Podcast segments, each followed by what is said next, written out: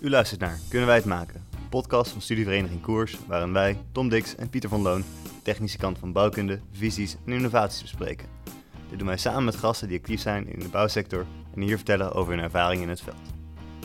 Ontwerpen kent vele aspecten en interpretaties. In eerdere afleveringen hebben we het gehad over bijvoorbeeld innovatief ontwerp of barometrisch ontwerp en natuurlijk duurzaam ontwerp. Maar vaak duiden deze bijwoorden een specialisme aan, iets wat het begrip inperkt. Vandaag trekken we hem juist breder. Hoe kan je ontwerpen met alle disciplines in gedachten? Daarnaast is onze gast van vandaag een echte local.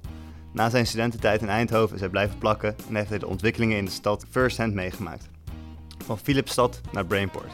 Eindhoven heeft veel ontwikkelingen gezien in de afgelopen jaren. Kortom, vandaag een duaal thema, integraal ontwerpen en de ontwikkeling van Eindhoven.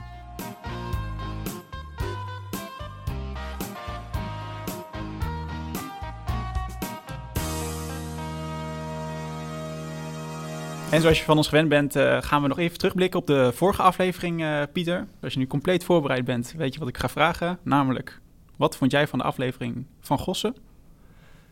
Ja, dat was uh, wel weer heel leuk. Het ging natuurlijk over aardbevingen, vorige aflevering, met Gossen Slager. En ik vind vooral het, het, het, grappige daaraan is...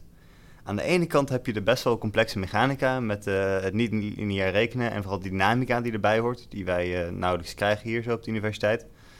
Maar aan de andere kant vertelde hij dat hij heel veel bezig was met verstevigingsadvies. Dus dan uh, krijg je een houten voorzetwandje die er dan blijkbaar voor zorgt dat je metselwerk stevig genoeg is.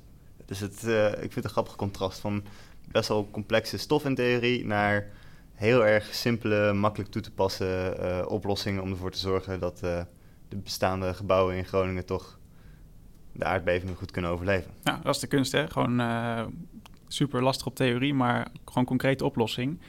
Uh, wat iedereen begrijpt en het is natuurlijk ook wat gewoon uh, een beetje maakbaar is.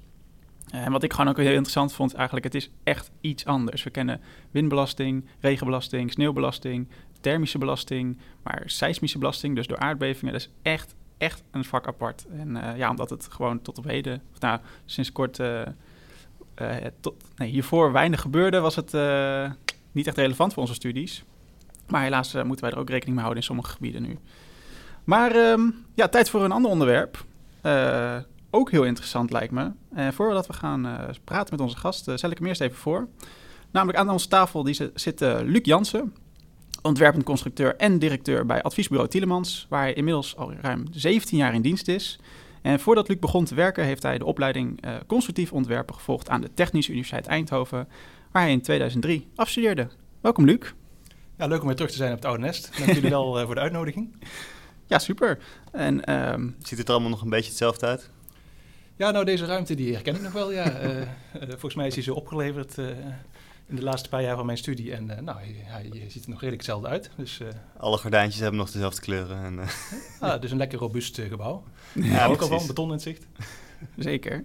Maar voordat we de diepte induiken en gaan praten over dat integraal ontwerpen, zoals Pieter net introduceerde, willen we nog heel even iets meer over de persoon leren.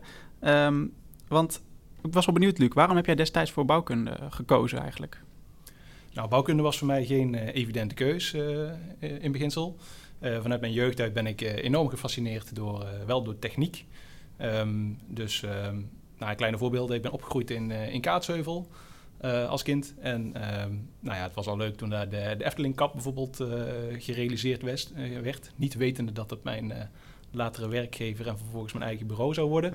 Uh, maar uh, dat, ik heb toch vaak onder die kap gestaan dat ik dacht, wauw, dit is wel, wel gaaf. En toen had ik eigenlijk nog helemaal niets met, uh, met bouw of met architectuur.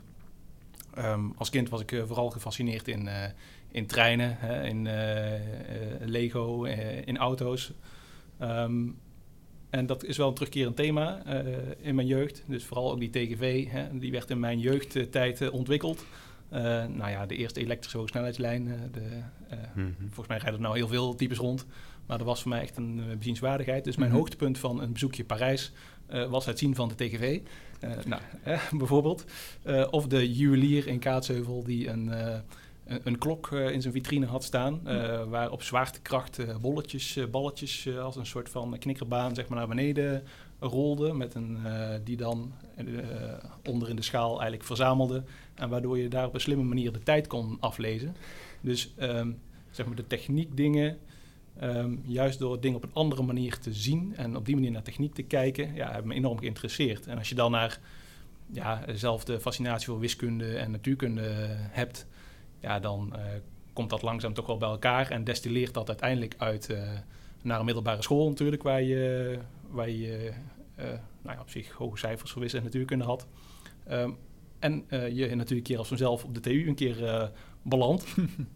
en toen dacht ik, god, wat ga ik hier dan doen? En en uh, getwijfeld had tussen bouwkunde, werktuigbouw, uh, waterbouw, dat soort dingen allemaal. Dus die laboratoria met die boten, dat was dan wel in Delft. Maar uh, die laboratoria met die boten die door die sluizen heen, heen vaarden, vond ik ook fantastisch om te zien. Um, maar uiteindelijk wel voor bouwkunde hier gevallen. Ook omdat ehm, de architectonische kant me ook wel, wel trok. Ik, ja, zoals ik al zei, die Efteling Kap deed me wel echt iets.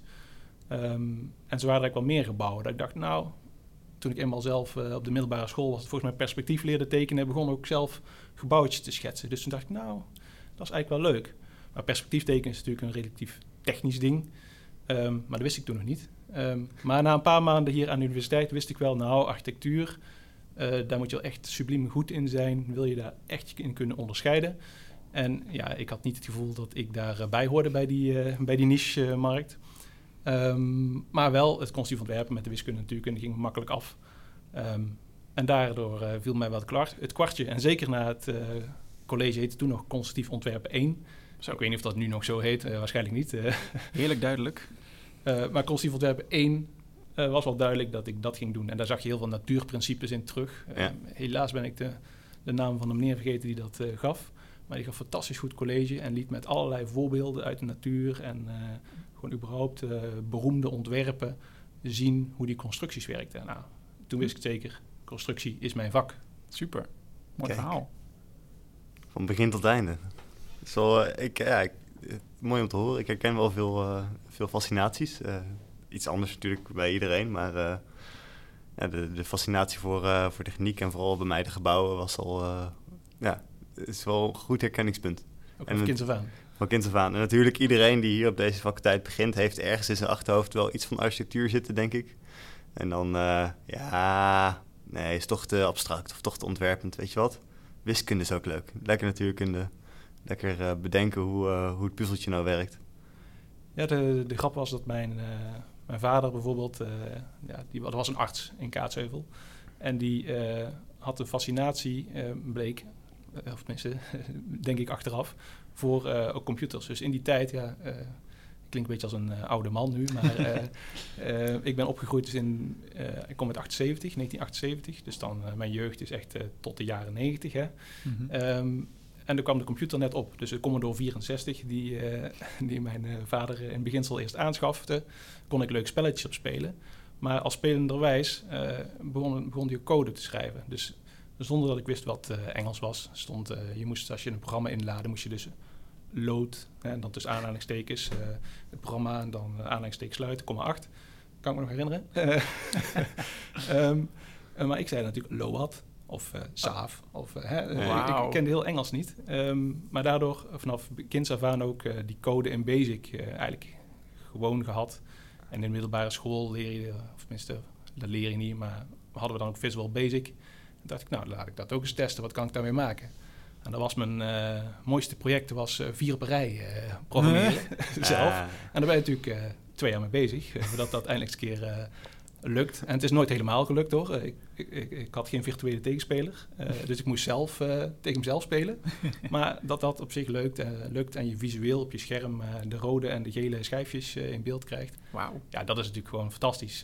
maar er zijn ook mislukkingen hoor, dus wees niet bang. Ja, dat klinkt in ieder geval als een succesverhaal. Maar ben je in die zin dan ook echt wat dat betreft een autodidact? Had je gewoon een boek gekocht en... of was, dat echt, was er een vak omheen gebouwd? Hoe, hoe heb je dat eigen gemaakt? Nou ja, daar zat een helpfunctie. Uh, uh, gewoon F1 duwen in Zo. Visual Basic. En dan kun je heel veel leren. Mm -hmm. autodidact. Ja, maar het, je kunt je... Dus er zijn eigenlijk de beginstappen. Maar daardoor ben je niet bang voor... om dingen jezelf proberen eigen te maken. En dat wordt natuurlijk enorm versterkt op een universiteit... waar je continu wordt uitgedaagd om jezelf ja, dingen te leren... Mm -hmm. en te analyseren. En ik denk, ja, als je daar van begin van jongs af aan uh, in getriggerd wordt hè, en zelf in geïnteresseerd bent, ja, dat hij hier een enorm vliegwiel krijgt door de manier van lesgeven. Uh, omdat ook niemand jou hier zegt hoe je iets moet doen. Uh, iemand daagt je uit, ja, zoek het maar uit. er zijn hier boeken genoeg. Er is, ja, tegenwoordig is ook internet natuurlijk. maar in mijn tijd zat je dan in het rekencentrum. Uh, was er dan met een floppy, of ja, ik weet je weer de floppy is, maar nog net. gewoon wel zo'n klein floppietje. Thuis hadden we nog van die grote flapper wow. flops. Um, maar van die kleine flopjes ging je dan naar het rekencentrum toe en dan kon je dan je mail lezen. ah, mooi. Even ergens heen om je mail te checken. Dan heb je nog echt je digitale mail echt op zijn Engels zeg maar, want mail is natuurlijk ook gewoon post. En dan mhm. heb je echt je digitale post. Je moet je echt naar je postloketje gaan om, uh, om het te openen en te kijken wat je nou uh, hebt ontvangen de laatste tijd. Ja, en daardoor dus even terugkomend op jouw vraag. Hè, daardoor, uh, internet was er eigenlijk niet. Hè, dus als je wilde internetten, dan moest je de telefoon van mijn ouders moest ik dan uit zijn stekker uit de meterkast trekken. En dan kon ik het modem erop prikken. En dan ging je met 1200 bits per seconde kon je dan internetten. Ja, dus is helemaal niks. Ehm, en dus je kon ook alleen maar uh, cijfers uh, zien. Dus uh, je kreeg alleen maar, zoals tegenwoordig mensen appen met zo'n slash en zo'n driehoekje. Ja, ik voel me soms wel oud. kreeg je dat op je scherm te zien. En dat was alles wat internet had. Dus je had veel meer aan een bibliotheek. Dus als je dan, als ik iets wilde leren over Visual Basic, dan haalde ik uit de bibliotheek in Kaatsheuvel een boek over Visual Basic. En dan stonden daar natuurlijk ook voorbeelden in. Dus al, ja. dus dan ging je die voorbeelden overtypen of ging je daar Wow. Ja, leer je die vanzelf. Heel interessant.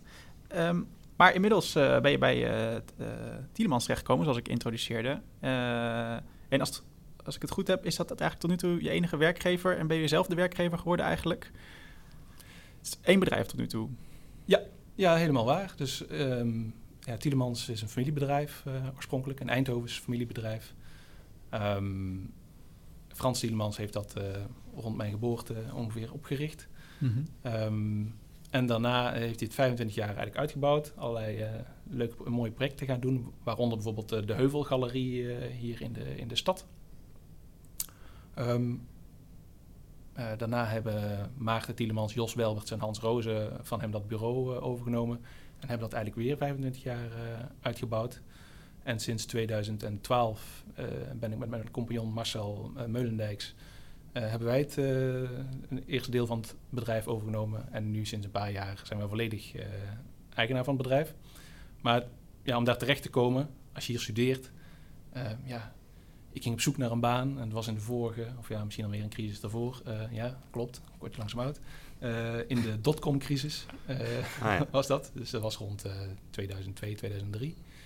Um, ja, ging ik op zoek naar een baan goh, wat wil ik nou, waar wil ik nou gaan werken? Waar word ik warm van? Nou, constructies zoals, um, ja, heeft, dat wist ik toen, hè, de Efteling-entree uh, gemaakt. Dat besefte ik me toen pas op dat moment.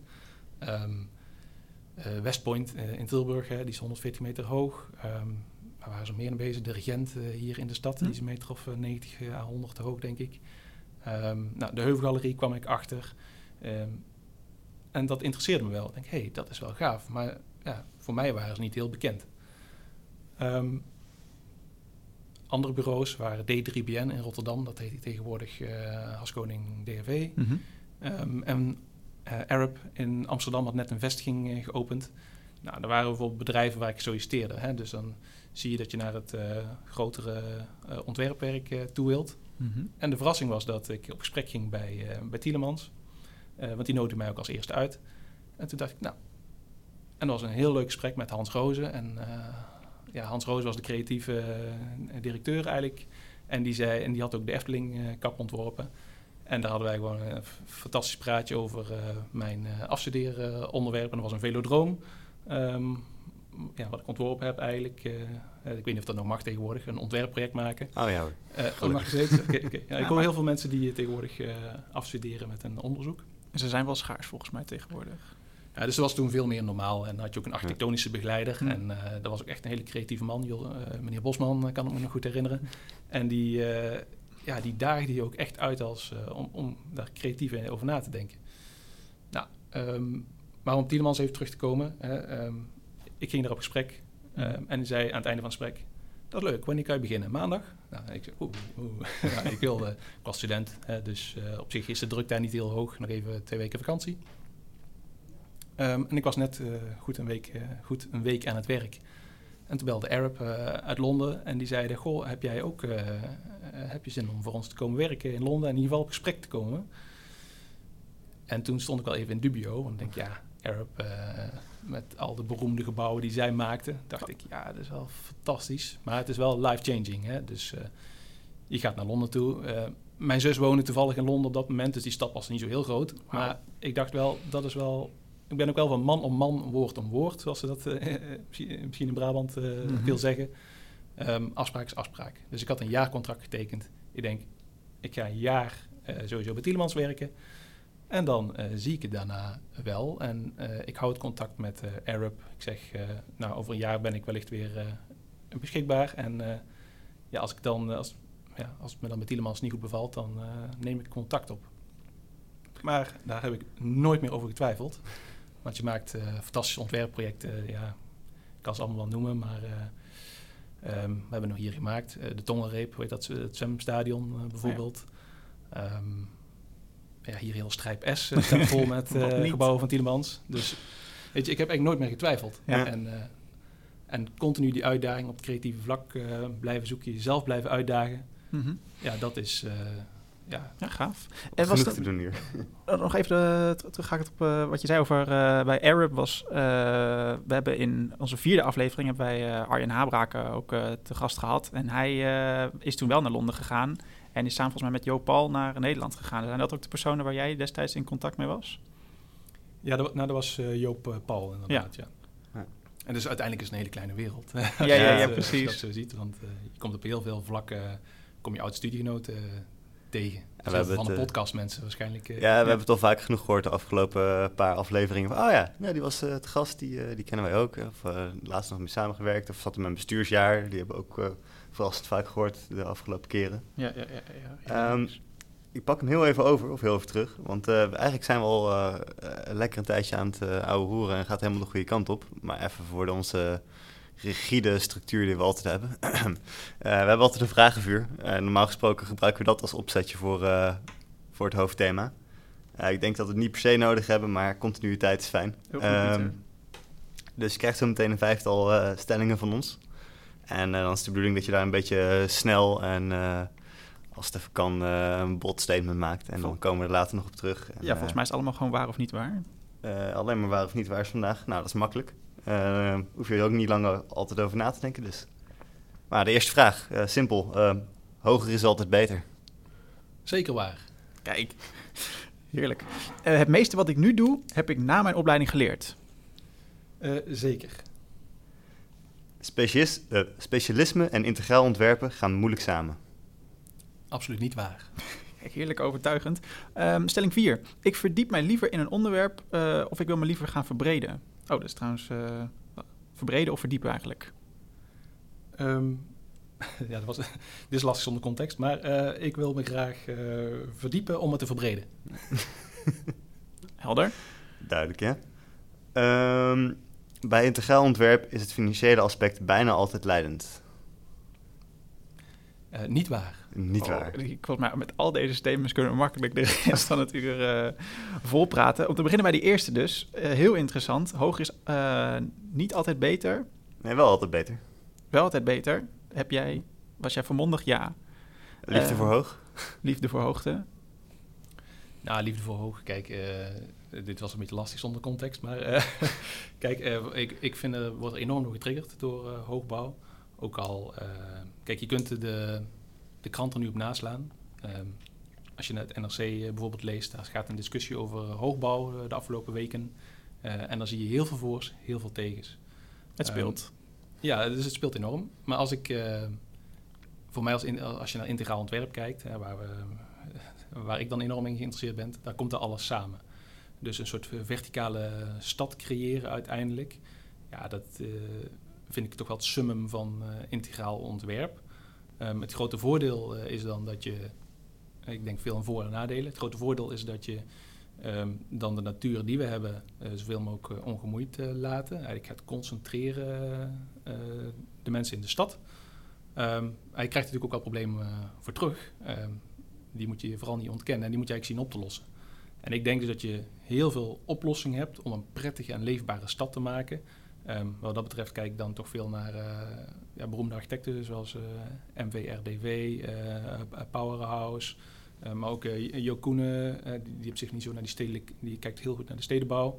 Um, maar zo zijn er ook al nog wel veel meer architecten die ik nou natuurlijk vergeet, maar um, die wel op een goede manier naar verdichting kijken. Hè, want op zich is Eindhoven, als, als ik dan toch even terugkijk naar mijn tijd toen ik hier aankwam, was Eindhoven als toen ik hier studeerde, toen liep ik vanuit het station uh, naar de universiteit toe en ik liep over een parkeerplaats met een paar bomen uh, daarop. Als je daar nu overheen loopt, dan zie je het KBC staan, het Kennedy Business Center. dat is nog, nog, hebben we ook gedaan, maar dat is ja, een meter of 90 hoog, denk ik, nog niet. Mm -hmm. um, en dat voelt nog niet als superstedelijk als je de stad uitkomt. Terwijl nee. dat waarschijnlijk over een jaar of twintig um, weer, weer een slag gemaakt heeft. Mm -hmm. En als je dan weer dan op dat moment 40 jaar terugkijkt, dan denk je, oh, waar komen we vandaan? Um, en dan voelt dat veel natuurlijker. En dan moet je, er zijn natuurlijk ook gewoon uitdagingen in de stad die je juist kunt oplossen um, met uh, hoogbouw of met gewoon verdichting van een stad. En de vraag is even bijvoorbeeld, um, om daar een toch even kleine ja, kanttekening bij te geven. Um, het stukje ring, binnenring wat wij hebben in Eindhoven, daar rij je eigenlijk een heel klein rondje over een heel klein oppervlak waar relatief weinig mensen wonen. Um, en je moet uh, volgens mij uh, twee, drie bruggen onderdoor bij het spoor. Mm -hmm. En dan denk ik, goh, dat is eigenlijk wel het meest onhandige rondje uh, wat je kunt maken. En als je dat als één grote, de barrière van het spoor kunt maken, daar iets overheen kunt zetten. En dan heb ik over hele grote stedelijke plannen, hè, zoals MWRDV ja. in, in, Taiwan voor Taipei bijvoorbeeld gemaakt heeft. Een soort brug over, over het stationsgebied heen. Dan denk ik, nou, daar liggen natuurlijk ook gewoon kansen. Mm -hmm. um, en ik ben er enorm door gefascineerd. Dus, Heel maar als we het dan hebben over hoogbouw, dat vind ik dan wel weer... Ja, voor- en nadelen had je het over. Uh, als je denkt aan de, de typische Nederlandse woonsituatie... hebben we natuurlijk allemaal lekkere rijtjeshuizen... met misschien een klein voortuintje en een achtertuintje. Uh, bij hoogbouw denk ik vooral aan uh, appartementjes. past eventueel heel Eindhoven zin om in een appartementje te wonen? Of, is er vraag naar? Is er vraag naar? Is er, ja, heb je daar een beetje een beeld van, van hoe, ja, hoezo is hoogbouw zo goed om in te wonen? Nou ja, kijk, dan heb je het misschien over klassieke hoogbouw. Hè? En ook de, de hoogbouw zoals je... Kijk, dat is een beetje ook mijn schrikbeeld hoogbouw. Eén um, plattegrond. En die uh, 40 keer omhoog kopiëren zonder buitenruimte. Um, appartementje van 50 vierkante meter. Ja, word ik daar vrolijk van? Nee. Maar je ziet ook plannen um, waarin groen op de daken terecht gaat komen. Waardoor je het maaiveld op straat. Uh, uh, kijk, als je naar New York gaat, bedoel ik wel, op zich is het een kleine, niet, niet, een hele kleine stap van Eindhoven naar New York, maar uh, als je kijkt naar, naar het maaiveld op een wat hoger niveau leggen, het, het, het groene maaiveld, ja. tuinen op een hoger niveau leggen, het groen, zoals nu bijvoorbeeld bij de, de Toren K, de Trudeau-toren heet die geloof ik mm -hmm. ja. normaal. Met de bomen? met die bomen. Mm -hmm. Ja, op zich zijn het allemaal goede manieren en ook nieuwe manieren om naar een stad te kijken. En het maaiveld op straat uh, daar weg te halen en op een hoger niveau te leggen. Ja. Ik moet zeggen, ik uh, ben wel eens bij, uh, ik vergeet altijd of nou Anton of Gerard of welke van die oude witte gebouwen op Strijp het is, maar die hebben alle drie van die daktuinen. Ja. Mm -hmm. En die zijn wel, als je daar zit in de zomer met een barbecue erbij, dan heb je ook wel een hele mooie avond. Ja, dus ik ben ervan overtuigd als je dat goed regelt hè, en ehm, uh, dat, het, uh, dat je op zich hele goede gebouwen kunt krijgen. Hè. Men, uh, ik heb op de Woenselse Markt gewoond in mijn, toen ik net was afgestudeerd. Een appartementje gekocht, volgens mij nu niet meer de buurt waar je wil wonen. maar toen was het heel centraal en, en heel prettig. En het was maar een appartementje van 60 vierkante meter, denk ik. Maar het had een heel groot dakterras. En mm. nou, niks leuker dan daar te barbecuen. en dat was zo'n goud waard dat ik denk, nou, in een appartement zou ik altijd willen wonen. Als je maar een fatsoenlijke buitenruimte hebt. Ja. Dus dat is dan de uitdaging, of een van de uitdagingen bij hoogbouw. Zorg dat die buitenruimte niet uh, verloren gaat, ondanks dat, uh, dat je verticale gaat zitten. Ja, juist. Ja, dus uh, dat lijkt, me, lijkt mij goed. En, en um, kijk, de, de kans is dat je wel allemaal centraal bij het openbaar vervoer woont. Vaak, ja. Dus je hebt hele goede ontsluiting naar de stad. Ook alle voorzieningen in de buurt. Maar goed, zoals ik al zei, ik kom uit Kaatsheuvel oorspronkelijk. Daar heb je niks hoger dan nou, de kerk is het hoogste, denk ik. Ja, precies. Dus het zal een meter of 30, 40 zijn. Mhm. Ehm, en daar heb je allemaal hele mooie, heb je mooie huizen, Ja. eh, ehm, mooie tuinen. Maar je zit er overal relatief ver vanaf, van, van de stad, van, de, van een ziekenhuis. eh, ja, eh, terwijl in de stad zijn alle voorzieningen dichtbij. Ja, ik moet zeggen, ik vind het ideaal. Mijn hele leven is binnen 20 minuten te fietsen momenteel. dat is echt... Maar ik denk ook dat je daarin eh, voorstanders en tegenstanders hebt. Je hebt stadsmensen en, eh, en geen stadsmensen. Ja. Dus, Ja. eh, Ja, precies. Maar ik denk precies wat je zegt inderdaad. We zijn vooral op zoek naar kwalitatieve hoogbouw. En het is lang niet altijd goed gegaan. eh, nou, lang niet altijd goed. Maar er zijn verbeterpunten volgens mij als je kijkt naar wat er eh, 20, 30 jaar geleden gebouwd is. Overigens trouwens, eh, en dan wil ik niet eh, de concurrent promoten. Maar ik luister zelf nu een eh architectenweb. Die heeft ook een podcast. En die maakt erin een serie over die diverse gasten die schuiven aan over kwalitatieve hoogbouw. Erg interessant ook om te luisteren. Maar eerst onze podcast luisteren. Ehm, maar die hebben het ook over eh, wat ik dus net zei, over dat de lessen geleerd zijn van vroeger. Bijvoorbeeld de plint is heel belangrijk om die goed in te bouwen. Ehm, en eigenlijk wat jij net ook aankaartte, Luc, over ja, die, die eigenlijk straat, een verticale straat of gewoon een, echt een community. Ehm, dan kijk, denk je ook volgens mij weer echt puur integraal. Dat heeft helemaal niks meer met constructief te maken. Wat zijn nog meer zaken? Ja, je noemt net een groen dak eh, en ik noem net die plint. Zijn er nog andere aspecten waar je aan moet denken als je echt naar een eh, goed leefbare, toekomstbestendige hoogbouw eh, wil ontwerpen? Ja, die zijn er heel veel. Ehm, kijk, wat wij vaak doen in de haalbaarheidsstudies is dat je kijkt naar eh, sun, dus zon, zonspot, zon, Oh ja. zonhinder, hè, of schaduw is het dan eigenlijk met name. Mhm. Ehm, omdat een buurt eigenlijk altijd in opstand gaat komen. Want iemand die daarnaast woont en een toren naast zich krijgt, die wil dat liever niet. Ehm, dus op het moment dat je daar dus in je vormgeving rekening mee houdt, met de hoogte of met de positionering, ja, dan kun je dus je schaduwwerking op, eh, op de omgeving eh, beschouwen. En dat is ook een eis tegenwoordig hoor in de gemeente Eindhoven. Ehm, dus die hebben daar in een hoogbouwvisie ook al eh, het een en ander over opgenomen. Ehm, dat je daar naar moet kijken. Ook een windhinder hè, kun je dus eh, gaan oplossen. Nou, het aantal liften is, is ook zo'n ding. Hè. Hoe krijg ik nou... eh, want uiteindelijk gaat het erom dat je slimme, slimme plattegrond eh, maakt. Ehm, en dat betekent eigenlijk dat er zoveel mogelijk verhuurbare of verkoopbare meters in zitten... ten opzichte van eh, het geveloppervlak. Ja.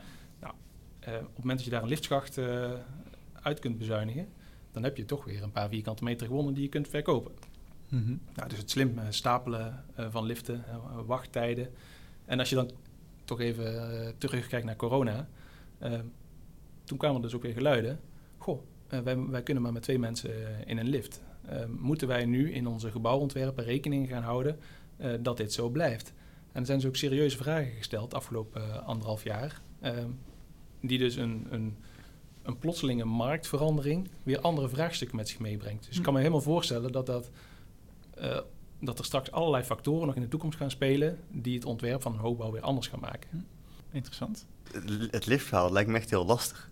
Ehm, want normaal gesproken ga je ervan uit dat er, eh, weet ik veel, 10 man een lift kan of zoiets. Of hoe, hoe ontwerp je überhaupt voor liften in hoogbouw? Dat is iets waar ik nooit over heb nagedacht eigenlijk.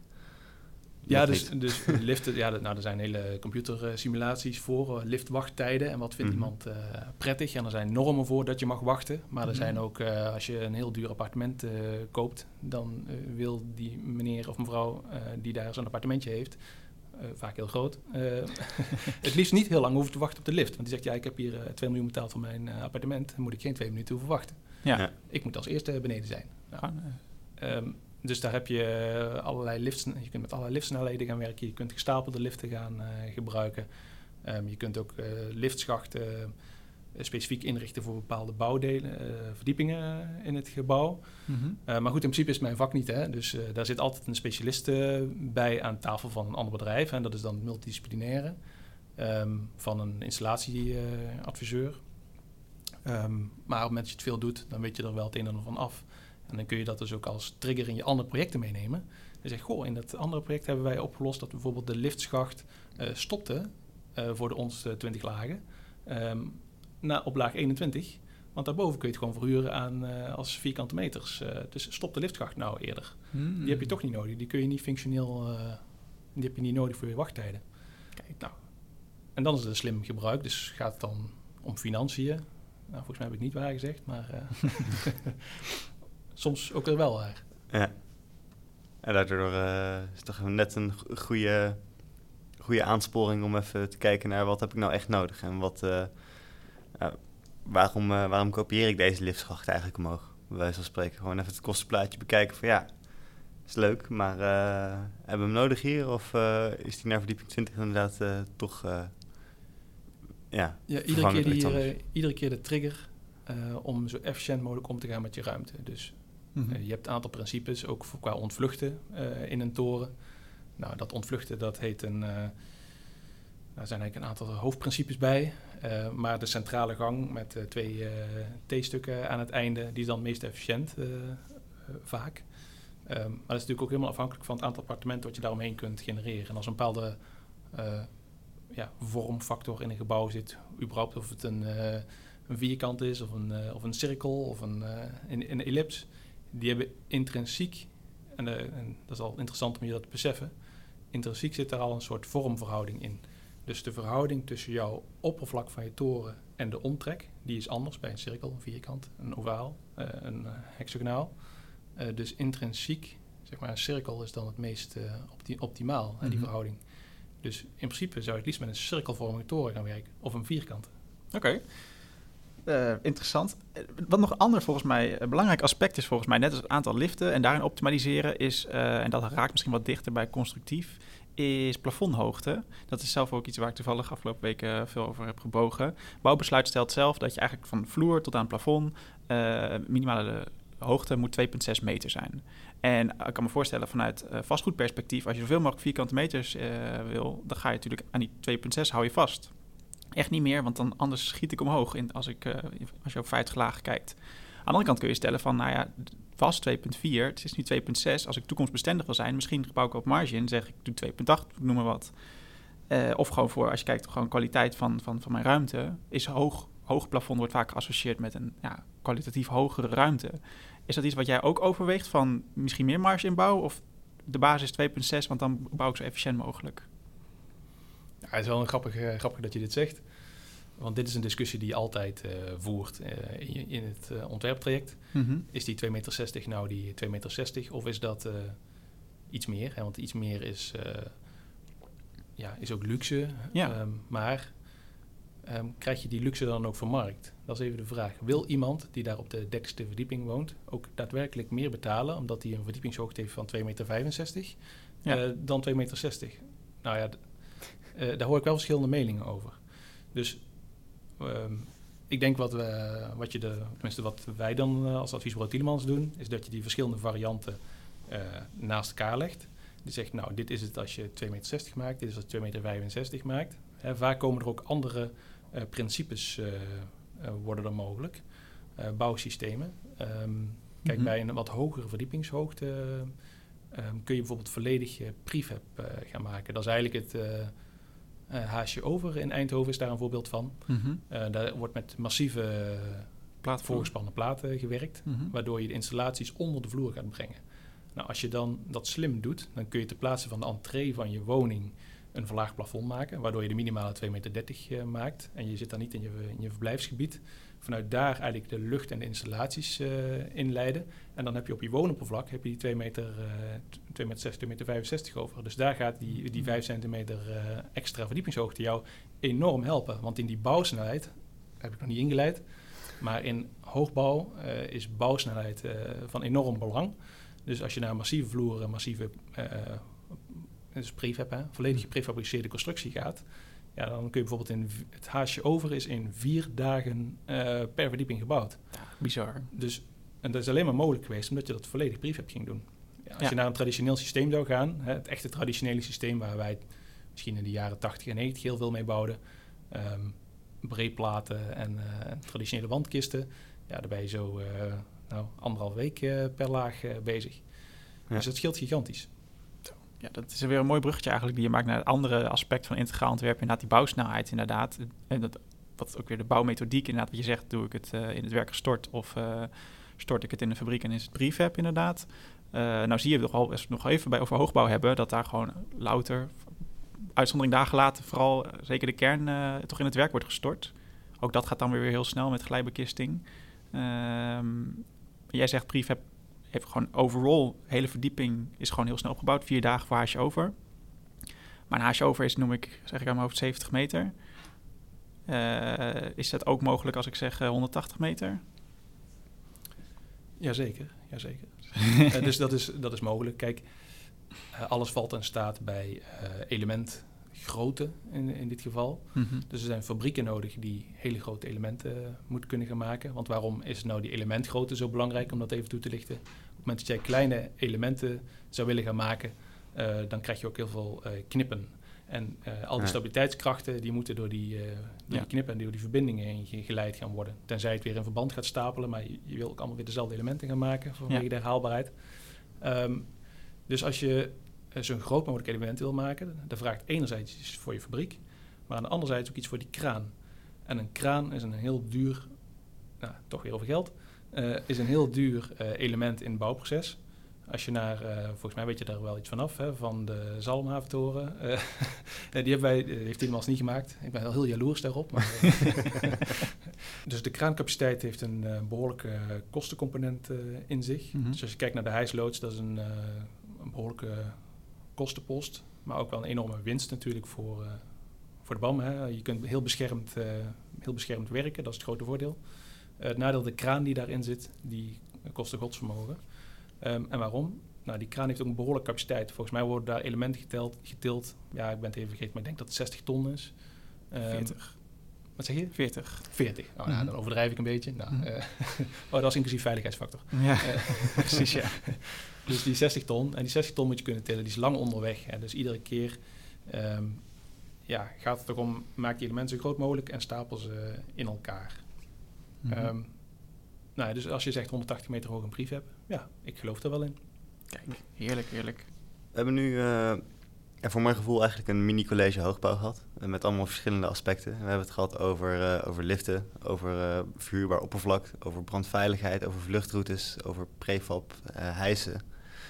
Um, maar wat doe je dan, wat, wat is dan jouw rol daarin als constructeur specifiek? Hoe kijk je naar al die, die verschillende aspecten waar je, waar, ja, waar je rekening mee moet houden? En hoe is dat van invloed op uiteindelijk gewoon het mechanica schemaatje wat je gaat doorrekenen? Heb je dan uh, bij een paar, uh, heb je een paar grenswaarden vaag in je hoofd zitten van... Oh, oké, okay, nu zijn we met dit soort dingen bezig of met deze hoogte bezig. Ah, weet je wat, dan doe ik uh, een prefab systeem. Dus dan moet ik denken aan, aan, aan mijn kniklengtes. Of heb je nog een paar standaard... Ja, Stand, mechanische standaard, dingetjes. Standaard tips en tricks voor hobo. Zeker. nee, nee, um, nee, dus dit klinkt natuurlijk simpel. Maar van de andere kant, um, kijk, er worden ook altijd reekssommen gemaakt. Hè? Dus je ja. bent bezig in een, uh, ja, het is computational design, hè, is, een, uh, is een, altijd een onderwerp waar, je, waar wij ook flink in investeren. Daar mm hebben wij uh, ook mensen voor zitten die eigenlijk de hele dag bezig zijn om, om die software, die we dan zelf ook doorontwikkelen in Visual Studio, om daar vanuit een plattegrond, um, vanuit een ontwerp van een architect, vrij snel modellen te kunnen gaan opbouwen. Nou, en als je daar die, uh, en het voordeel van de hoogbouw is dat je vrij snel uh, doorkopieert. En je ja. kunt ook heel goed een mooi variantenonderzoek doen. Dus als je zegt, hoe maak je nou de keuze? Is dat je zegt, hé, hey, ik heb een, uh, een plattegrond en ik begin eens met een kernprincipe en een gevelbuis, bijvoorbeeld. Hè? Ah, ja. dat is mijn start. Um, dat heeft voor- en nadelen. Want die gevelbuis is wel een gevelbuis. Dat is niet zo'n super, wil je het betaalbaar houden, is niet super flexibel in zijn vormgeving. Dus dan zeg je, nou, dat is een geelbuis en een kern. Variant 1. Vervolgens zeg je, wat kan ik nog meer verzinnen? Nou, en daar heb je hier in de universiteit natuurlijk een fantastisch vak. Uh, uh, ja, het heette in mijn tijd uh, hoogbouw. Het zal nu wel high-rise buildings heten. van Hoenderkamp? van Hans Hoenderkamp, inderdaad, ja. Een van mijn afstudeerbegeleiders. Um, maar die, um, daar staan natuurlijk allerlei mooie types structuur in. Want ja. dat is al het probleem, dat is die vervorming uh, aan de bovenkant. Hè, mm -hmm. En überhaupt de rotatie van je fundering. Mm -hmm. Dus op het moment dat je zegt, nou, daar wil ik iets aan gaan doen, zou je kunnen gaan denken aan outriggers. Nou, wij weten uit de college samen wel dat die op twee derde van de hoogte het meest efficiënt is. Maar dan zeggen wij, nou, uh, wat als ik nou eens een keer bovenin zit, die outrigger? Want op twee derde van mijn hoogte een outrigger is misschien niet heel praktisch in mijn woningplattegrond. Um, nou, dan zet, ik, dan zet ik hem een keer bovenin. Daar, daar is hij ook efficiënt. Mm -hmm. Maar dan komen er andere dimensies uit. En um, ja, misschien bedenkt iemand iets. Nou, ik ga nog even een gevelbelt, uh, uh, een belt truss maken. Mm -hmm. Nou, die modelleer ik ook een keer in. En je kunt al die varianten naast elkaar zetten. Die hebben allemaal hun voor- en nadelen. En die kun je ook allemaal niet op het laatste wapeningsstaaf. Maar die, kijk, doordat je ze best wel vaak gemaakt hebt. En Ja. weet je waar, waar je op moet letten. Bijvoorbeeld de, de EI, hè, dus de, de, of een doorsnede gescheurd of ongescheurd is, zeg maar, in die Ja. kern. Dat is wel een belangrijk item. En hoe voer je dat dan in, in, die, eh, eh, in die software? Ja. Want als je daar fout mee begint, een, een ongescheurde doorsnede eh, overal toekent, ja, dan is hij wel lekker stijf. Ja, precies, ja. Dus het is een beetje eh, de, de plattegrond bekijken, herkennen wat, ehm, wat alle aspecten zijn, alle ideeën zijn. En daar dan proberen je mechanica, ja, je, je, je basale oplossingen op, eh, op los te laten en te kijken van wat voor varianten kan ik doen om dat dan weer terug te koppelen aan, aan eh, alles eh, waar je rekening mee moet houden. Van lift tot, eh, tot verhuurbaar eh, vloeroppervlak, tot dat is, en dan brandtrappen de, de, de positieve kanten benoemen en de negatieve Ja. kanten. Want iedere oplossing heeft een voor- en een nadeel. Ja. Dus als je kijkt naar centrale gang, hè, want het gaat vaak ook over ontvluchten van die kern. je moet wel, als je een outrigger zou bedenken, moet je wel door de outrigger heen kunnen, kunnen vluchten met een deur bijvoorbeeld. Hè. Dus als daar dan zo'n diagonaal van zo'n outrigger zit, dat vlucht niet heel handig. Eh, maar je kunt het ook benoemen dat je daar dan bijvoorbeeld niks mee kan. Hè. Je zegt, nou, dan moeten we daar op die laag moeten we nou zo'n installaties eh, positioneren. Maar installatie is ook een grote eh, kostencomponent. Ja. Dus als je zegt, ja, nou kan ik helemaal niks meer met die ruimte, dus dat gaan we niet doen. Nou, dan weet je dat die, dan heb je met elkaar die variant afgepeld. En heb je gezegd, nou, dit is eigenlijk niet zo'n hele kansrijke variant. Mhm. We houden hem nog even in gedachten.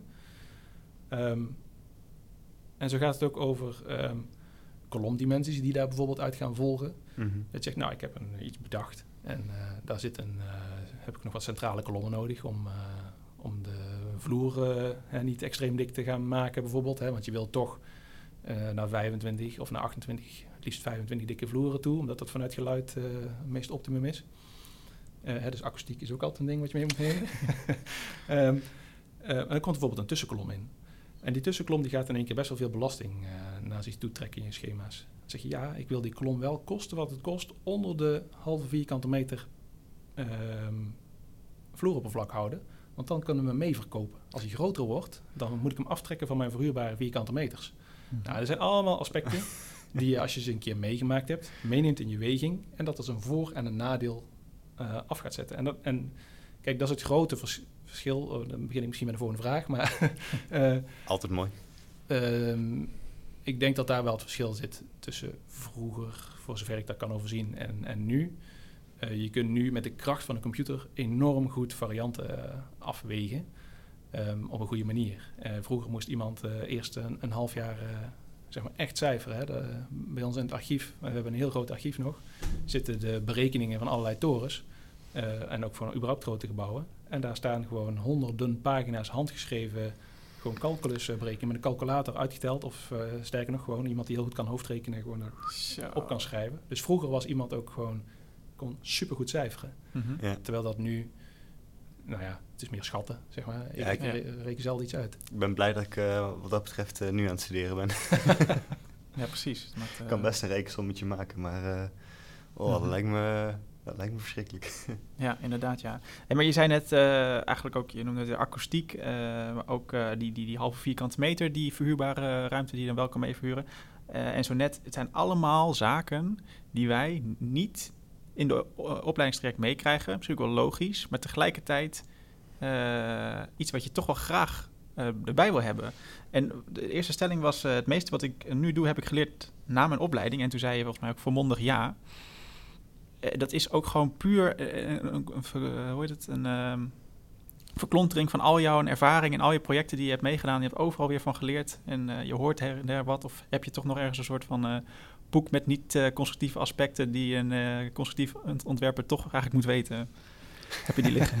Ja, dat zou een mooi boek zijn. ja. Ehm, alle aspecten die je niet weet, die schrijf ik nou even op. Alles wat je niet hebt geleerd tijdens je studie.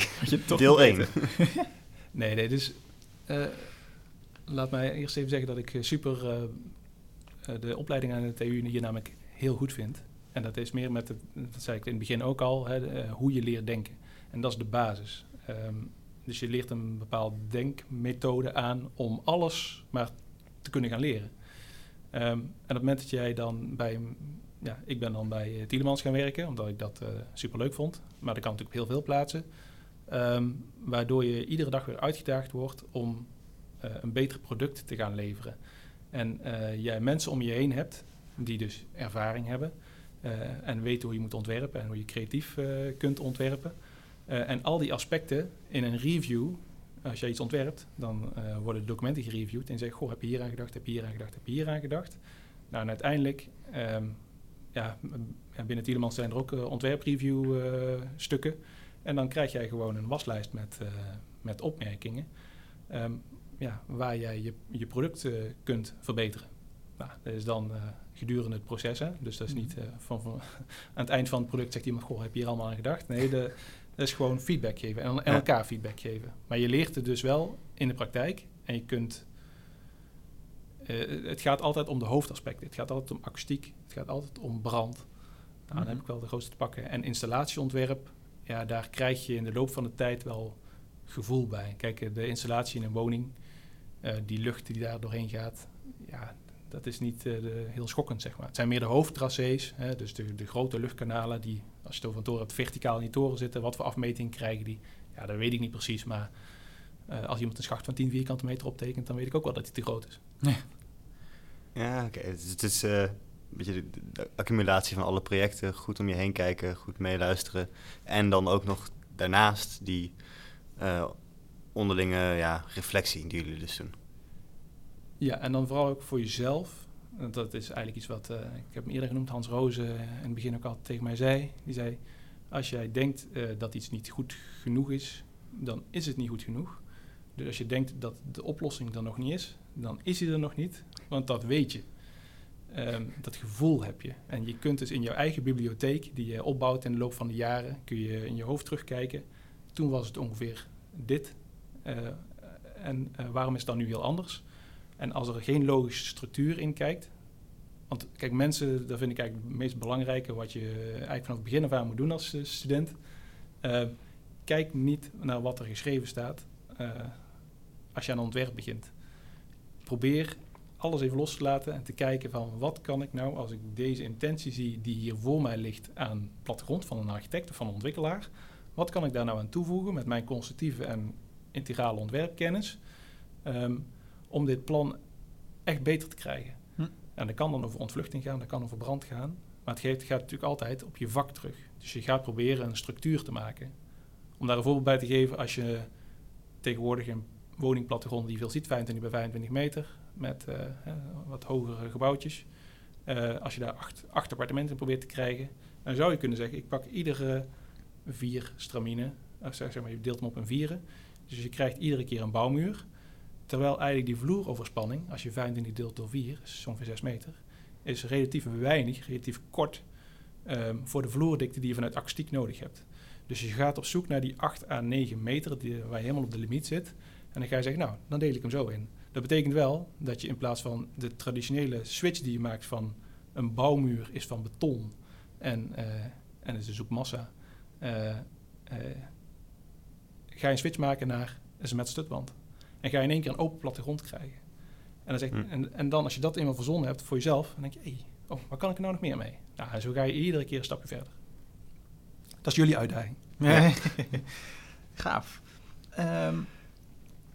Ja, en dan um, met, ja, we hebben het heel veel gehad over integraal ontwerp. En dan, dit is dan een mooi voorbeeld van hoe je als constructeur kan denken over integrale ja, integrale aanpak van oké, die, die massa, die dikte voor uh, akoestiek is heel belangrijk.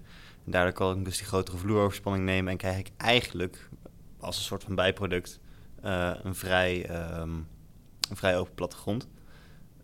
maar heb je ook je wel eens prettige, extra prettige samenwerkingen gehad met een architect of een projectontwikkelaar die jou ook heel erg tegemoet kwam door ook integraal te ontwerpen, maar dan juist met een andere, andere niche? Hoe gaat dat? Ja, nee, integraal ontwerpen doe je samen. Hè? Ja. Dus um, ik denk dat vertrouwen heel belangrijk is uh, in, uh, als, je, als je samen aan tafel gaat. Hè? Want um, ik denk dat je moeilijk integraal kunt ontwerpen zo, uh, zonder dat je samen aan tafel zit en zonder dat iemand jou het vertrouwen geeft dat je alles mag veranderen wat er maar kan. Ja. Um, en je moet ook samen de voor- en de nadelen zien. Want uiteindelijk gaat het erom dat een gebouw er komt. Dus wij zeggen altijd, uh, dat is volgens mij ook zo'n soort quote op onze, onze site. Wij vinden het, uh, Tielemans maakt een project, een project van de eerste schets tot aan de laatste wapeningsstaaf. Dat is het totale project. En we zijn er trots op dat we het kunnen complexe gebouwen weten uh, te ontwerpen, maar ook gerealiseerd te krijgen. Ja, ja dat is natuurlijk. Uh, we hebben al eerder in de podcast besproken. Niet alles wat je op papier weet te zetten, kan, krijg je ook even makkelijk in de werkelijkheid gereed. Ja, maar als je een hoge rate daarop hebt, hè, dus als je hoge, daar een hoge score voor zou krijgen, als we allerlei likes zouden krijgen van mensen die, die hun ontwerp gerealiseerd krijgen, dan denk ik dat we vrij hoog staan. Ja. Wat dat betreft, in het vragenvuur hadden we het nog heel even over. Um, uh, volgens mij het verschil tussen verdiepen en verbreden. En jij zei uh, zonder het een niet het ander. Verdiepen om te verbreden?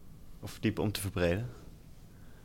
Ja, dus ik denk dat er het afgelopen gesprek ook best wel over gegaan ja. is. Hè. Je moet heel veel kennis opzuigen. En dan eigenlijk begin je daar in mijn optiek al mee als kind. Ja.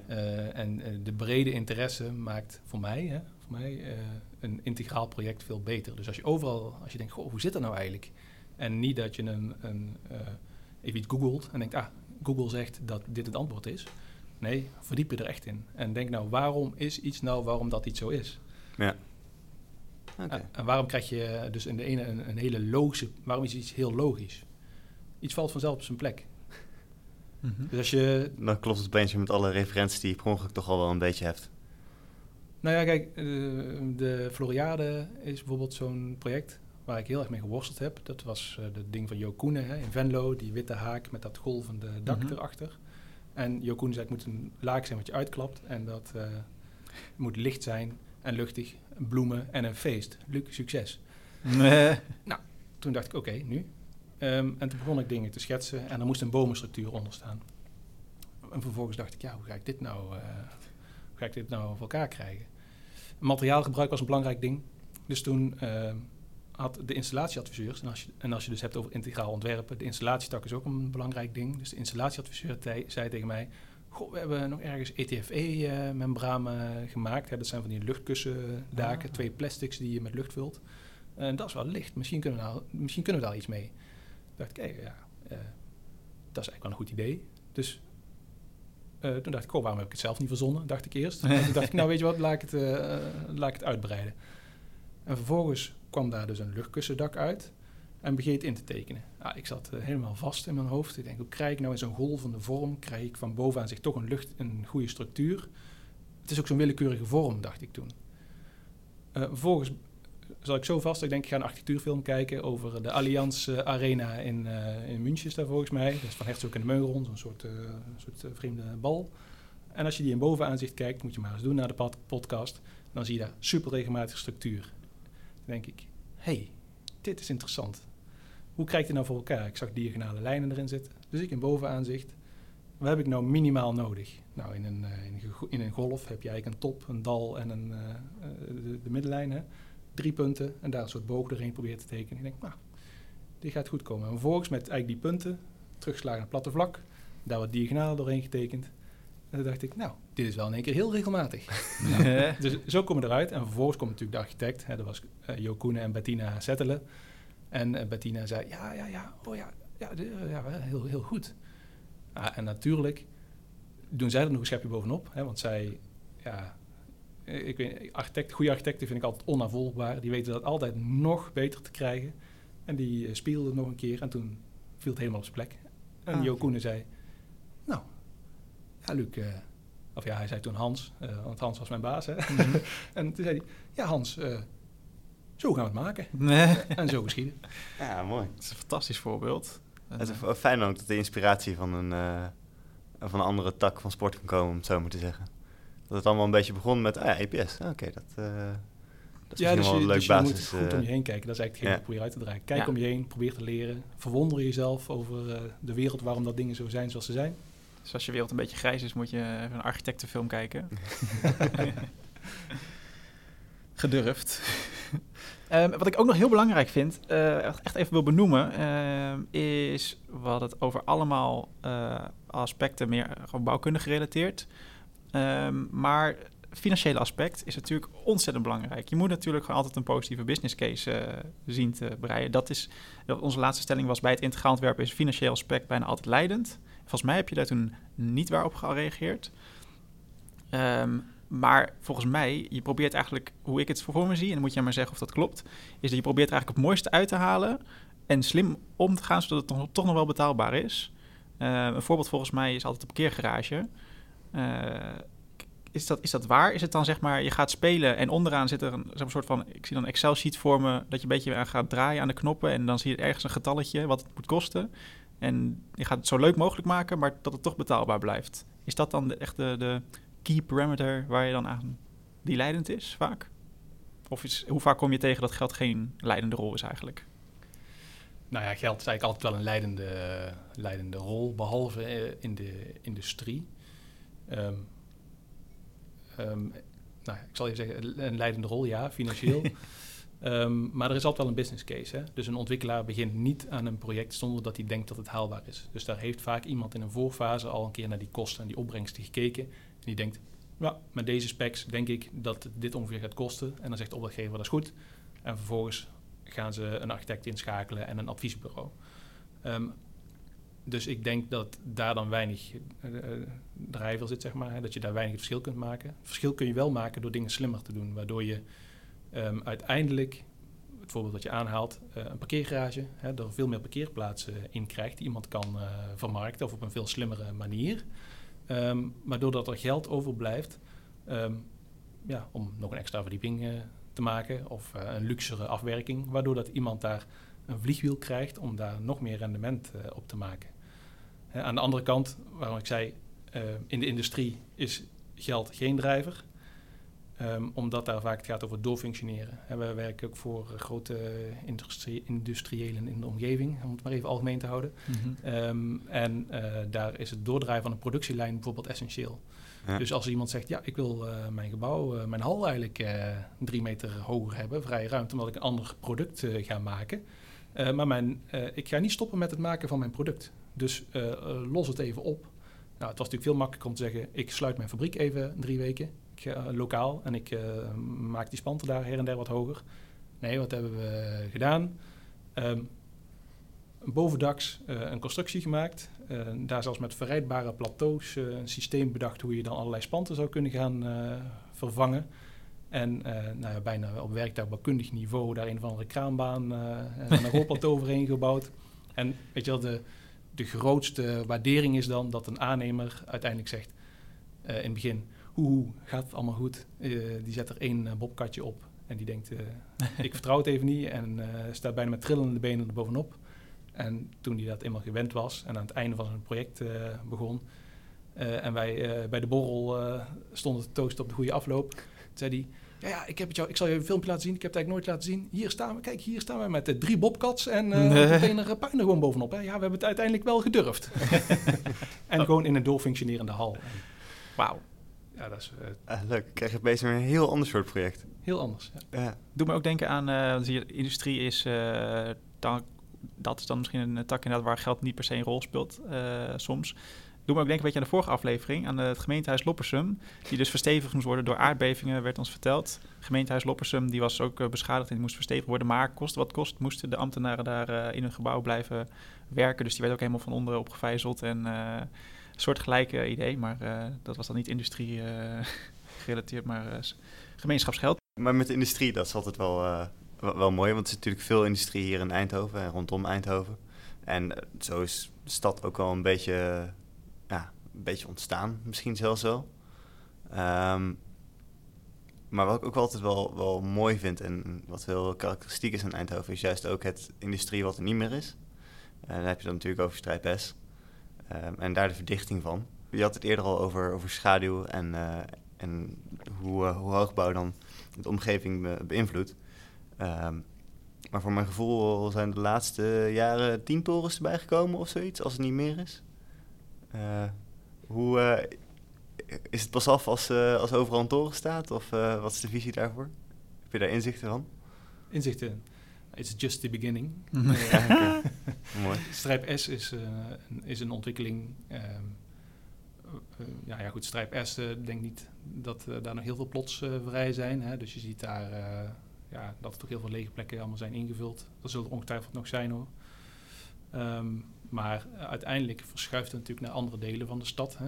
Ja. Dus als een stad groeit en inderdaad de industrie in de omgeving van Eindhoven het goed doet en goed blijft doen, dan ja, is een soort motor uh, van de economie. En gaan daar mensen, en dat is ook mijn, mijn visie, hè, dat daar dus ook mensen op af gaan, uh, gaan komen en gaan wonen. Dat is volgens mij de, de visie van de stad Eindhoven. Um, en dan moeten ook allerlei dingen gebouwd gaan worden. Hè. Um, dus bijvoorbeeld zo'n congrescentrum van, uh, van Elysion, waar mm -hmm. we mhm. dan de laatste tender voor gedaan hebben en ook mee gewonnen hebben. Dat is weer zo'n gebouw en weer een icoon wat erbij komt. Um, hè, waardoor, die, waardoor er dit door zal blijven gaan. Hè. Dus het ja. Campina-terrein is ook zo'n ding mm -hmm. dat BPD uh, ontwikkelt, waar gewoon weer een hele nieuwe community opgebouwd wordt. Eigenlijk het, het Strijp S is misschien wel het, een goed voorbeeld geweest dat we het hebben gedurfd met z'n allen in Eindhoven. Hè. Dus uh, mm -hmm. Toon de Koning staat toevallig vandaag in de krant. Hè. Die is volgens mij geridderd, dus vanwege ja, dat project. Nou, dat is toch, toch geweldig. Mm -hmm. um, dus ik zeg, het is just the beginning. Want ik denk dat er Campina-terrein, de hele kadeontwikkeling, de hele centrum, het hele centrumplan, de hoogbouw, een hoogbouwvisie, wordt niet voor niks geschreven. Ja. Daar gaan, -hmm. gaan in, op de bestuurlijke lagen in de gemeente Eindhoven gaat niemand zitten denken, goh, waarom zou, weet je wat, ik heb een leuk idee, ik ga een hoogbouwvisie schrijven. Nee, daar is dus waarschijnlijk een vraag. Ja. -hmm. En die is er, want er liggen er heel veel bij ons op de tekentafels. Dus het, uh, het, het, eerste grote project, om het zo maar te zeggen, met Strijpes uh, nadert nu al uh, een beetje het einde. En dan, nou ja, in ieder geval begint goed gevuld te worden. En er worden steeds meer nieuwe plekjes gevonden waar nog, nog meer doorontwikkeld kan worden. -hmm is werk zat voor jullie in de toekomst. Ja, ja, precies, ja. Vind ik goed om te horen. Lijkt me dan nogal goed. Uh, mooie afsluiting. Nog heel even dan hierop inhakend, uh, dan even dromen met de toekomst. Uh, mogelijkheden genoeg. wat jij net zegt, het is just the beginning. Op een gegeven moment kijkt New York naar ons. en nou, misschien een beetje het van de toren afgeblazen. Maar de mooiste dingen gaan misschien wel in, de, in, het centrum gebeuren. Wat je zegt, ook Winnie Maas heeft een hoogbouwvisie opgesteld voor Eindhoven. Um, nou is er, wat je zegt, er zijn heel veel voor- en nadelen. Het brengt veel uh, teweeg in dat uh, hoogbouw. Maar uh, durf jij in een glazen bol te kijken? Want wat hebben we überhaupt een hoogtegrens in Eindhoven? Ik weet dat die in Rotterdam is verhoogd naar 250 meter. Maar voor jou is de sky the limit? Of wat vind jij passend binnen Eindhoven? Nou ja, het ligt eraan over hoe lang je kijkt. Hè? Ja. Um, maar kijk, de hoogbouwvisie nu, ik weet het niet precies, maar ik denk dat dat over 150 meter of 200 meter. Uh, ik weet niet wat er bij het stadhuis uh, gebeurt precies. Maar daar uh, zijn natuurlijk visies over hoog. En er is ook allerlei inspraak nu vanuit, vanuit de gemeente. Hè, om daar bewoners en omwonenden en gewoon überhaupt mensen in de omgeving goed mee te krijgen. Mm -hmm. Ja, ik denk dat dat wel op een goede manier moet gebeuren. Want moet, het moet natuurlijk wel goed zijn voor de stad Eindhoven. Mm -hmm. um, en kijk, zo'n een architect zoals MVRDV, hè, um, die hebben dit in Rotterdam natuurlijk ook uh, gedaan en zijn wereldberoemd uh, vanwege die dingen. Je kunt je, er zijn natuurlijk waanzinnig gave beelden, vind ik, hè, als, als, als constructeur. Dat ik denk, wauw, echt, een, echt een visionair. van de andere kant zijn natuurlijk allerlei richtingen waar je op kunt. Hè, en, en, de exacte invulling van zo'n plan, um, ja, die zouden die visie, die goede punten uit zo'n, uit zo'n visie ook mee moeten nemen. Hè, waardoor je gewoon een veel leefbaardere stad krijgt. Mm. Um, ja, en ik denk dat daar uh, de sky is wel de limit. Um, en ik verwacht ook dat binnen de ring, in die hoogbouwvisie staan daar de, de, de M, de L en de XL en de XXL-torens uh, allemaal getekend. Mm -hmm. Ik verwacht wel dat dat uh, een hele lange doorlooptijd zal hebben. Dus het zal niet van vandaag op morgen zijn. Nee. Uh, van de andere kant denk ik wel dat er een kans is hè, om, om, om de stad. Kijk, je ziet in andere steden, ik vergelijk het ook altijd maar weer met andere steden. Um, grote steden, Parijs, Londen, uh, misschien ook Amsterdam. Hè. Je kunt ook van iedere stad iets leren. Dus de, jij wil in Parijs, uh, in het hartcentrum ook het liefst niet te veel rondrijden met je, met je auto. Uh, en in Londen ook niet. Hè, dus dan heb je andere vormen van vervoer. Mm -hmm. Het grote voordeel is natuurlijk wel dat je gewoon allemaal bij elkaar woont. Ook dat daar, als daar dus heel veel werk is, heel veel economie, hè, dat mensen wel op de plaats wonen waar ze werken. Kijk, en ik vind dat nog een beetje gemiste kans in Nederland dat we zoveel met elkaar in de file staan. En dat is nu uh, in coronatijd, uh, merk je uh, hoeveel tijd je eigenlijk hebt. Ik zit de hele dag in een teamscall. Ik ben helemaal stuk aan het einde van de dag. Uh, maar ik heb wel uh, vier, vijf projecten uh, gedaan op een dag, waar ik normaal gesproken 2D, inclusief file. Dan stond ik weer wow. mijn ritjes Rotterdam-Eindhoven en Eindhoven-Rotterdam. Die oh. begonnen, stopte ik s ochtends om kwart, voor, kwart over zes in de auto om een vergadering in Rotterdam om negen uur half tien bij te wonen.